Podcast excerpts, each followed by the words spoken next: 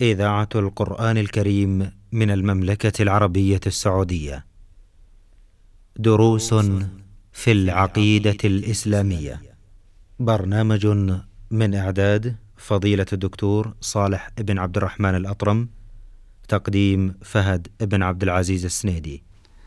بسم الله الرحمن الرحيم الحمد لله رب العالمين وصلى الله وسلم وبارك على عبده ورسوله محمد وآله وصحبه أجمعين. أيها الإخوة والأخوات السلام عليكم ورحمة الله وبركاته أسعد الله أوقاتكم بكل خير. واهلا ومرحبا بكم إلى حلقة جديدة في برنامج دروس في العقيدة الإسلامية. مع مطلع هذا اللقاء أرحب بفضيلة الدكتور صالح بن عبد الرحمن الأطرم فاهلا ومرحبا بكم يا شيخ صالح. حياكم الله ووفق الله الجميع لما يحب ويرضى. حياكم الله. الحقيقة لا زلنا نتحدث عن كتاب التوحيد للشيخ محمد بن عبد الوهاب رحمه الله تعالى وانتهينا عن في الحديث عن الآيات التي ساقها في دلالة آه، قضية التوحيد التي أشرنا إليها. نود في حلقة اليوم أن نتحدث عن حديث عظيم مبارك حديث معاذ بن جبل رضي الله عنه. قال كنت رديف النبي صلى الله عليه وآله وسلم على حمار فقال لي يا معاذ أتدري ما حق الله على العباد ؟ وما حق العباد على الله؟ قلت الله ورسوله أعلم. قال حق الله على العباد أن يعبدوه ولا يشركوا به شيئا. وحق العباد على الله الا يعذب من لا يشرك به شيئا. قلت يا رسول الله أفلا أبشر الناس؟ قال لا تبشرهم فيتكلوا. هذا الحديث المبارك فضيلة الشيخ نود أن نتحدث عنه في حلقة اليوم. كيف ساقه المؤلف في هذا الموضع؟ آه، نتحدث عن آه، مفردات الحديث وألفاظه آه، ولعل الحديث يجر بعضه بعضا إن شاء الله. تفضلوا شيخ. بسم الله الرحمن الرحيم. الحمد لله والصلاة والسلام على رسول الله وعلى آله وصحبه ومن اهتدى بهداه. المؤلف من منهجه أنه يستدل بآيات ثم يستدل بشيء من الأحاديث. و ومن فقهه رحمه الله أنه يختار ما يناسب الموضوع ولا يكثر من الاستدلال. فهو في الآيات تكلم استدل على ما تدل على وجوب التوحيد وعلى تحريم الشرك السابقات. في هذا الحديث ساقه من أجل بيان فضل التوحيد على الناس. له فضل عظيم. وليس معنى له فضل. نفهم ذلك بمعنى أنه غير واجب. لا بل الواجب له فضل. وكلما عظم الواجب عظم فضله. وفي اصطلاح المتأخرين هذا فضيل في بعض الأمور. قد لا يعني الأمر أنه واجب. ولهذا أنا أردت التأكيد بهذا التع... حيث عبرت بأن المؤلف ساق هذا الحديث ليبين فضل التوحيد أي ليبين فضل ها... هذا فضل هذا التوحيد الذي أوجبه الله نعم. ما فضله نعم. يعني ما جزاؤه وما عاقبته نعم. ف فيقول رحمه رضي الله عنه وأرضاه معاذ بن جبل كنت رديف النبي صلى الله عليه وسلم على حمار. فقال أتدري ما حق الله على العباد وما حق العباد على الله؟ قلت الله ورسوله أعلم. نعم. آه هذا من, من باب الاستطراد. آه فيه جواز الرداف على الدابة إذا كانت تطيق. فيه جواز تخصيص بعض الأشخاص بالعلم ولا سيما إذا كان لا يستطيع حمله سائر الناس. وقد يخص به من يستطيعه ليحفظه وفي وفي الوقت المناسب ينشره ويعلمه. وليس معنى التخصيص هنا لمعاذ بأنه يكتمه. لا لأن معاذ لما دنت وفاته أخبر به. أخبر به. وفي حياة الرسول عليه الصلاة والسلام كما أخبر يعني كما أخبر معاذ الرسول بسبب نهيه لا يخبر مخافة أن يتكلوا. ولما توفي الرسول عليه الصلاة والسلام وقربت وفاة معاذ وانقطع الوحي. ولا فلا هناك إيجاب ولا تحريم لأن انقطع الوحي.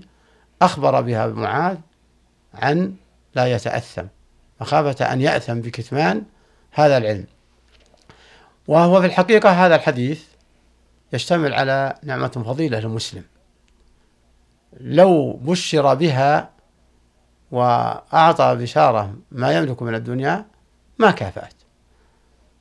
ف وفي قول معاذ قلت الله ورسوله أعلم في رد العلم إلى عالمه وأنه لا يتخرص الإنسان فيما لا يعلمه وأنه لا عيب عليه إذا قال لا أعلم. فأخبره الرسول عليه الصلاة والسلام بحق الله على العباد. أن يعبدوه ولا يشركوا به شيئا.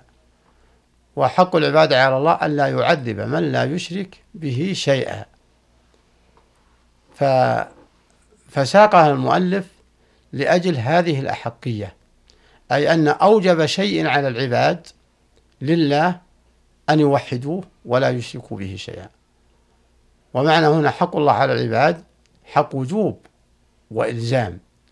وأما حق العباد على الله فليس معناه وجوب وإلزام وإنما هو حق تفضل وإحسان. حق تفضل نعم. وإحسان. فالله سبحانه وتعالى يثيب عب... يثيب عبده إذا أطاعه لأنه هو الذي أوجب على نفسه سبحانه وتعالى. فلهذا قال عليه الصلاة والسلام حق الله حق الله على العباد أن يعبدوا ولا يشركوا به شيئا هذا حق وجوب وإلزام. وحق العباد على الله ألا يشركوا به ألا يعذب من لا يشرك به شيئا. هذا حق تفضل. هذا حق تفضل وإحسان. نعم. ولهذا يقول أحد العلماء ما للعباد عليه حق واجب كلا ولا سعي لديه ضائع.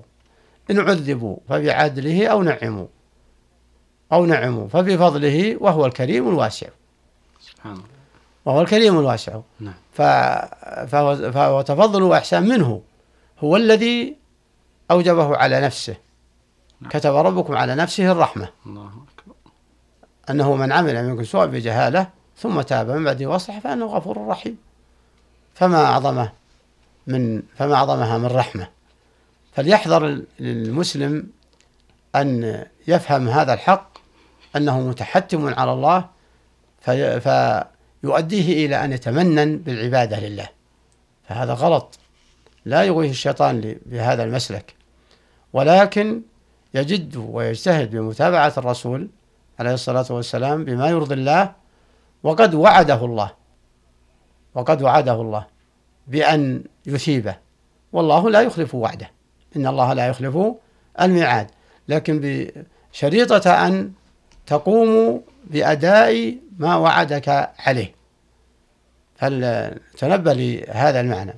أتدري ما حق الله على العباد وما حق العباد على الله. فقال معاذ ألا أفلا أبشر الناس يا رسول الله؟ فدل على فرح المسلم بالعلم. أنه يفرح بالعلم النافع.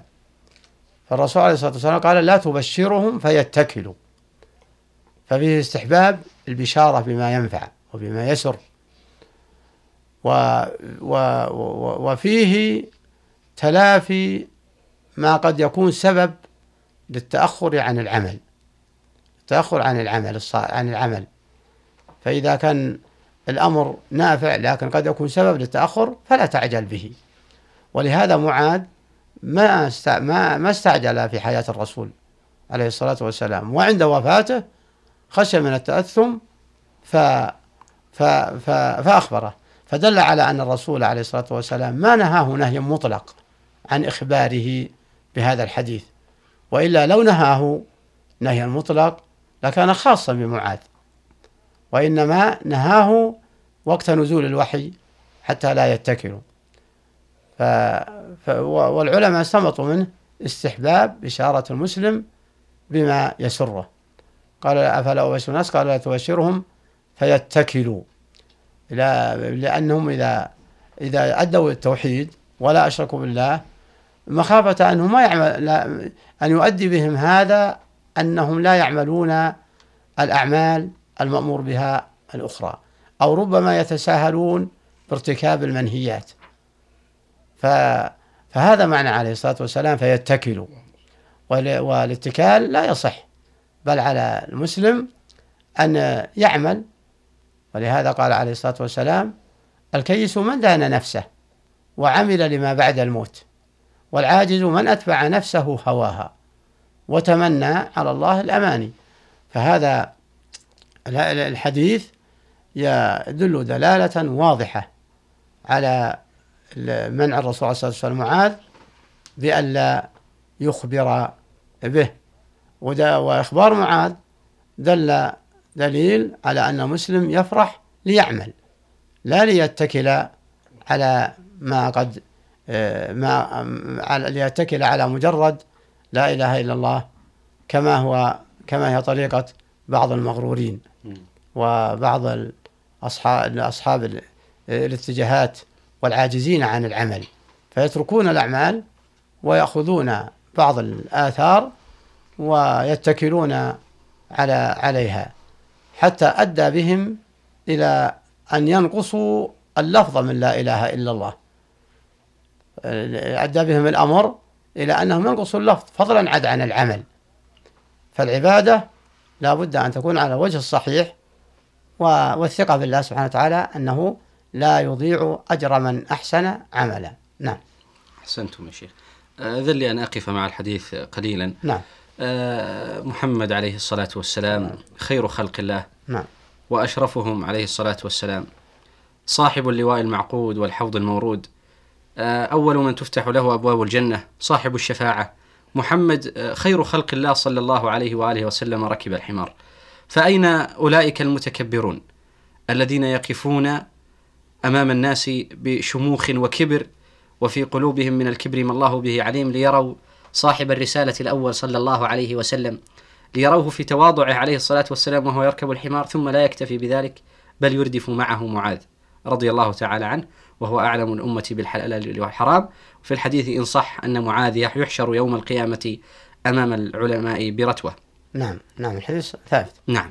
ما دام ثبت الحديث إذا لعلنا نقول إن في ذلك إشارة إلى تواضع صلى الله عليه وآله وسلم كما أشرتم. وهي يعني لفتة طيبة في الحديث أشار إليها معاذ رضي الله عنه. فلعل بعض الناس يسأل يقول ما فائدة أن يقول كنت رديف النبي صلى الله عليه وسلم على حمار؟ لماذا لا يأتي بالحوار فقط؟ فنقول هذه من أعظم الفوائد. هذه من أعظم الفوائد وقد استنبطها العلماء أيضا. الله أكبر نعم. قالوا من فوائد حديث معاذ تواضع الرسول. نعم. تواضع الرسول عليه الصلاة والسلام لركب الحمار ولإردافه أيضا نعم. معاذ. وقالوا أيضا فيه جواز الإرداف على الدابة إذا كانت تطيق. لم يشق نعم. إذا لم يشق عليها. نعم. فهذا هذا الله أكبر. من ما استنبطه العلماء. أيضا أقف مع قول النبي صلى الله عليه وآله وسلم لا تبشرهم فيتكلوا. لعل فيه إلماحة وانظر إلى العهد يعني انظر إلى قول النبي عليه الصلاة والسلام لا تبشرهم فيتكلوا في أي عهد. إنه في أصفى العهود في عهد من؟ في عهد الصحابة رضي الله تعالى عنهم. نعم. فما بالك بعهد مثل هذه العهود؟ فالنبي صلى الله عليه وآله وسلم لا يريد الناس أن يتعلقوا بسعة الرحمة يعني رجاء ثم يترك الخوف. فيترك العمل يترك نعم. العمل. فكأن في هذا أيضا دلالة مهمة على جانبين من جوانب التوحيد. المهمة ألا وهي الموازنة بين الرجاء والخوف وهي من عقيدة أهل السنة والجماعة الثابتة عندهم بالأدلة الشرعية. وأكد مسألة قبل نعم. أن ينتهي. أن سياق الشيخ محمد لهذا الحديث آه، لبيان فضل التوحيد. الله. لبيان فضل التوحيد. نعم. فأردت يعني هذا تأكيد ولبيان أكديته. نعم. ليس مجرد الفضل لأن سيعقد له باب نعم. لكن لأجل تأكده وأنه حق لا محيد عنه. لا نعم. محيد عنه. أتدري ما حق الله على العباد وما حق العباد على الله. نعم. فساقه من أجل آكدية الحقية لهذا التوحيد. نعم. وهناك حديث كثيرة تدل على وجوب التوحيد لكن مثل ما سبق أن الشيخ لا يحاول النص في الموضوع ولا يحاول التطويل. نعم نعم.